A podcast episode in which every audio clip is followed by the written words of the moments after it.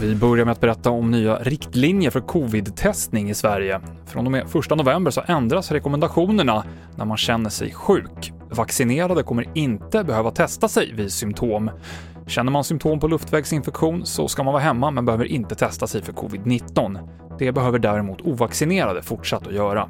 Barn från förskoleklass ehm, och äldre samt ovaccinerade.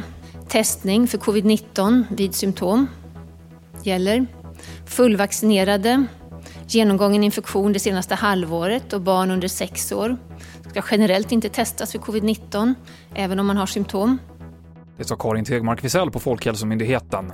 Och fyra nya dödsfall med covid-19 har rapporterats idag och totalt har 14 926 personer avlidit med covid-19 i Sverige.